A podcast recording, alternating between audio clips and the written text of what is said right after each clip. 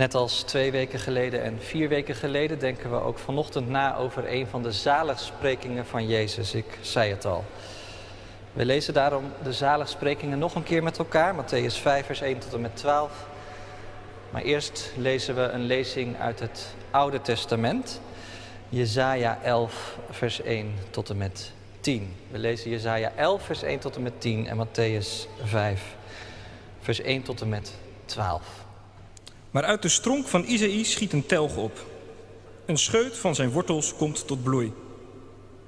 De geest van de Heer zal op hem rusten. Een geest van wijsheid en inzicht. Een geest van kracht en verstandig beleid. Een geest van kennis en ontzag voor de Heer. Hij ademt ontzag voor de Heer. Zijn oordeel stoelt niet op uiterlijke schijn. Noch grondt hij zijn vonnis op geruchten. Over de zwakken velt hij een rechtvaardig oordeel. De armen in het land geeft hij een eerlijk vonnis. Hij tuchtigt de aarde met de geestel van zijn mond. Met de adem van zijn lippen doodt hij de schuldigen. Hij draagt gerechtigheid als een gordel om zijn lendenen en trouw als een gordel om zijn heupen. Dan zal een wolf zich neerleggen naast een lam. Een panter vlijt zich bij een bokje neer. Kalf en leeuw zullen samen weiden en een kleine jongen zal ze hoeden. Een koe en een beer grazen samen. Hun jongen liggen bijeen. Een leeuw en een rund eten beide stro. Bij het hol van een adder speelt een zuigeling. Een kind graait met zijn hand naar het nest van een slang. Niemand doet kwaad. Niemand sticht onheil op heel mijn heilige berg. Want kennis van de Heer vervult de aarde, zoals het water de bodem van de zee bedekt. Op die dag zal de telg van Isaïe als een vaandel voor alle volken staan. Dan zullen de volken hem zoeken en zijn woonplaats zal schitterend zijn. En dan lees ik uit Matthäus 5. Toen hij de mensenmassa zag, ging hij de berg op. Daar ging hij zitten met zijn leerlingen om zich heen. Hij nam het woord en onderrichtte hen. Gelukkig wie nederig van hart zijn, want voor hen is het koninkrijk van de hemel. Gelukkig de treurenden, want zij zullen getroost worden. Gelukkig de zachtmoedigen, want zij zullen het land bezitten. Gelukkig wie hongeren en dorsten naar gerechtigheid, want zij zullen verzadigd worden. Gelukkig de barmhartigen, want zij zullen barmhartigheid ondervinden. Gelukkig wie zuiver van hart zijn, want zij zullen God zien. Gelukkig de vredestichters, want zij zullen kinderen van God genoemd worden.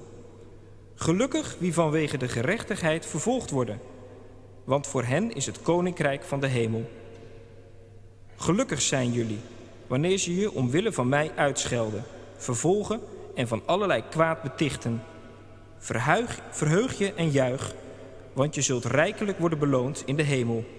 Zo immers vervolgden ze voor jullie de profeten.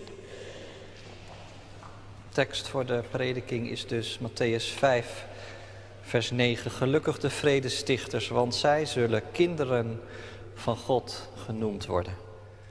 Gemeente van Christus, thuis met ons verbonden, hier in de kerk aanwezig, broeders en zusters. Het zal vrijwel niemand ontgaan zijn, denk ik, dat het gisteren 20 jaar geleden was dat twee vliegtuigen zich in de Twin Towers in New York City boorden. Het zou het begin betekenen van opnieuw een onrustige periode in de wereldgeschiedenis. Een slepende oorlog tegen de terreur. Wie tien jaar eerder nog had gehoopt dat de wereld dankzij de val van de muur steeds vreedzamer zou worden, kwam bedrogen uit. Echte, duurzame vrede is blijkbaar kostbaar en komt bepaald niet vanzelf. En met die gedachte in het achterhoofd kijken we vanochtend naar weer een zaligspreking van Jezus. Gelukkig zijn de vredestichters, want zij zullen kinderen van God worden genoemd. En dan komt eigenlijk meteen de vraag naar boven, die ook bij die andere gelukwensen al naar boven kwam. Legt Jezus de lat nu niet heel hoog? Kan dat eigenlijk wel? Vrede stichten. Nou ja, in ieder geval is het belangrijk om te benadrukken dat het er inderdaad zo staat. Het gaat om vredestichters, dus niet over vreedzamen. Dat is nog best een verschil. Kijk, vreedzame mensen kennen we hopelijk allemaal. Van die mensen die je hebt leren kennen als sympathiek en integer, dat is nu eenmaal hun karakter. Ze zijn in ieder geval voor het oog heel gemakkelijk in de omgang en doen nog geen vlieg kwaad. Maar Jezus heeft het niet over hen. Hij heeft het niet over een bepaalde karaktereigenschap. Nee, hij gebruikt een werkwoord. Vrede stichten. Daar gaat het om. En dat valt bepaald niet mee. Heel bewust aan de slag gaan met vrede. En dan volhouden. Als je naar de recente geschiedenis kijkt, dan blijkt wel hoe lastig dat is. Zeker als het gaat om vrede in het groot, wereldvrede. In 1994 ging de prestigieuze Nobelprijs voor de vrede naar Yitzhak Rabin, Shimon Peres en Yasser Arafat. Vanwege hun pogingen om vrede te creëren in het Midden-Oosten. Maar tot op de dag van vandaag lijken die maar heel weinig te hebben uitgehaald. En een ander voorbeeld, 15 jaar later, in 2009, ging diezelfde Nobelprijs naar de Amerikaanse president Barack Obama. Hij was eigenlijk nog maar net begonnen met regeren, maar de prijs was bedoeld als steuntje in de rug voor zijn ambitieuze plannen om vrede te stichten. Nu ja, dat viel nog niet mee. Denk alleen maar aan Afghanistan deze zomer. Vrede in het groot is een prachtig ideaal. En tegelijkertijd is die vrede ook zo complex en zo weerbarstig. Wie zal haar ooit kunnen stichten? En misschien geldt dat ook wel voor vrede in het klein. Want wat kan het soms lastig zijn om de vrede te bewaren, ook in de kleine kring van je leven? Om de vrede te bewaren met wie je lief zijn, met je vrienden, met je collega's, met je buren. Wat kan het soms gewoon vastzitten? Dat je iemand een verhaal hoort vertellen over een verstoorde relatie en je denkt, daar is zoveel gebeurd, dat komt waarschijnlijk nooit meer goed. Nou ja, Jezus zegt het heel bewust. Gelukkig zijn de vredestichters. En als Jezus het zegt, dan moeten we maar volgen, vind je niet? Ons uitstrekken om inderdaad een vredestichter te zijn. Maar hoe doe je dat? Hoe ga je de weg van de vrede? Volgens mij op twee manieren. In de eerste plaats door de weg naar binnen te gaan. En in de tweede plaats door vervolgens de weg naar buiten te bewandelen. Twee bewegingen, de weg naar binnen en de weg naar buiten. Eerst maar eens die weg naar binnen. Het schijnt dat de Engelse schrijver Gilbert Chesterton ooit een opiniebijdrage voorstelde die slechts uit één woord bestond. In het Engels slechts uit één letter. Hij was gevraagd om te reflecteren op deze vraag. Wat moet er in de wereld veranderen om tot werkelijke wereldvrede te komen? En zijn antwoord was even kort als krachtig. Ik. Kijk, dat is de weg naar binnen. Dan gaat het eerst om mijzelf. Je zou ook kunnen zeggen, dan gaat het om mijn hart. En als je wilt weten wat er allemaal aan onvrede in het hart van een mens kan leven, dan hoef je eigenlijk alleen maar een middagje rond te struinen op de sociale media. Wie zal er nooit van geschrokken zijn? Hoeveel chagrijn en onredelijkheid een uitweg zoekt de wereld in. Soms zou je vergeten dat we in een van de mooiste landen van de wereld woonden. Als je alle geklaag en gesikkeneur op een rijtje zou zetten. Iemand schreef, je kunt het bijbels gezien eigenlijk alleen maar duiden als een vulkaanuitbarsting. Die het gevolg is van het ongenoegen dat blijkbaar onder de oppervlakte verborgen zit. Onvrede, ik weet niet of je het herkent.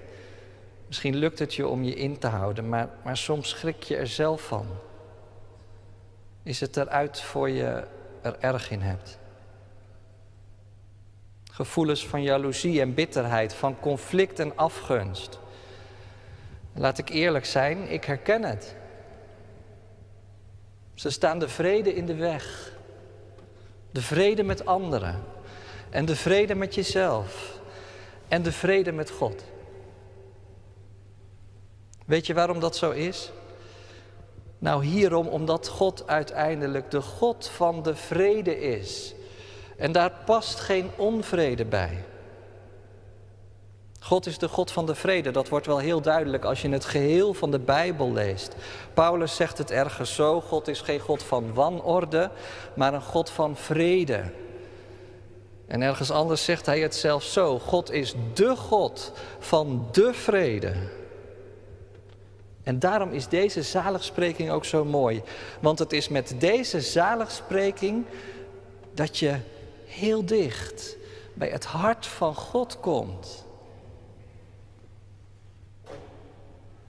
Zij zullen kinderen van God genoemd worden, de vredestichters. Waarom? Omdat God de God van de vrede is. Omdat God de God van de vrede is, kan Hij jou tot vredestichter maken. Ook al vind je dat eigenlijk een ongelofelijke gedachte. Als je om je heen kijkt en als je naar jezelf kijkt. Dat God de God van de vrede is, zie je eigenlijk al helemaal aan het begin van de Bijbel trouwens. In veel heidense scheppingsverhalen lees je hoe de aarde ontstond als gevolg van allerlei ruzies tussen de goden. Het was dankzij de polemiek dat de aarde tot leven kwam. Maar bij de God van Israël is het precies andersom. Die God gaat scheppen. Licht uit het duister. Droog land uit de zee. Leven uit de modder. En na zes dagen is er dan een volle dag rust. Een dag om naar de hemel te kijken. Een dag die als het ware apart gezet wordt voor de vrede. En eigenlijk zie je die beweging de hele heilsgeschiedenis door. Steeds weer van de zonde naar de genade, van de ballingschap naar het beloofde land. En zo op weg naar een grote toekomst. Wat dat betreft is dat stukje dat we lazen uit Jezaja natuurlijk wel heel troostvol en mooi. Alsof de profeet even een tipje van de sluier oplicht. Hier gaat het naartoe. Naar een toekomst waarin niemand kwaad doet en niemand onheil sticht. Waarom niet? Omdat dan de diepste oorzaak van alle onvrede in de wereld is weggenomen door de God van de vrede. Omdat er aan de ene kant een oordeel heeft geklonken over iedereen die de gerechtigheid veracht. En er aan de andere kant verzoening is uitgesproken over iedereen die de gerechtigheid heeft liefgekregen. Of beter gezegd, wie de koning van de gerechtigheid en de koning van de vrede heeft liefgekregen. Jezus Christus, de vredevorst bij uitstek. De telg uit de stronk van Isaïe. De Messias over wie deze woorden ten diepste gaan. En dankzij hen opent dit visioen dan ook de toekomst voor iedereen die in hem gelooft. Opent het de horizon en opent het de weg naar buiten. Die tweede beweging waar ik het over had. En die weg naar buiten, die zou ik vanmorgen dan in drie kringen willen schetsen. Misschien liggen ze wel om elkaar heen, een soort concentrische kringen vanuit het midden.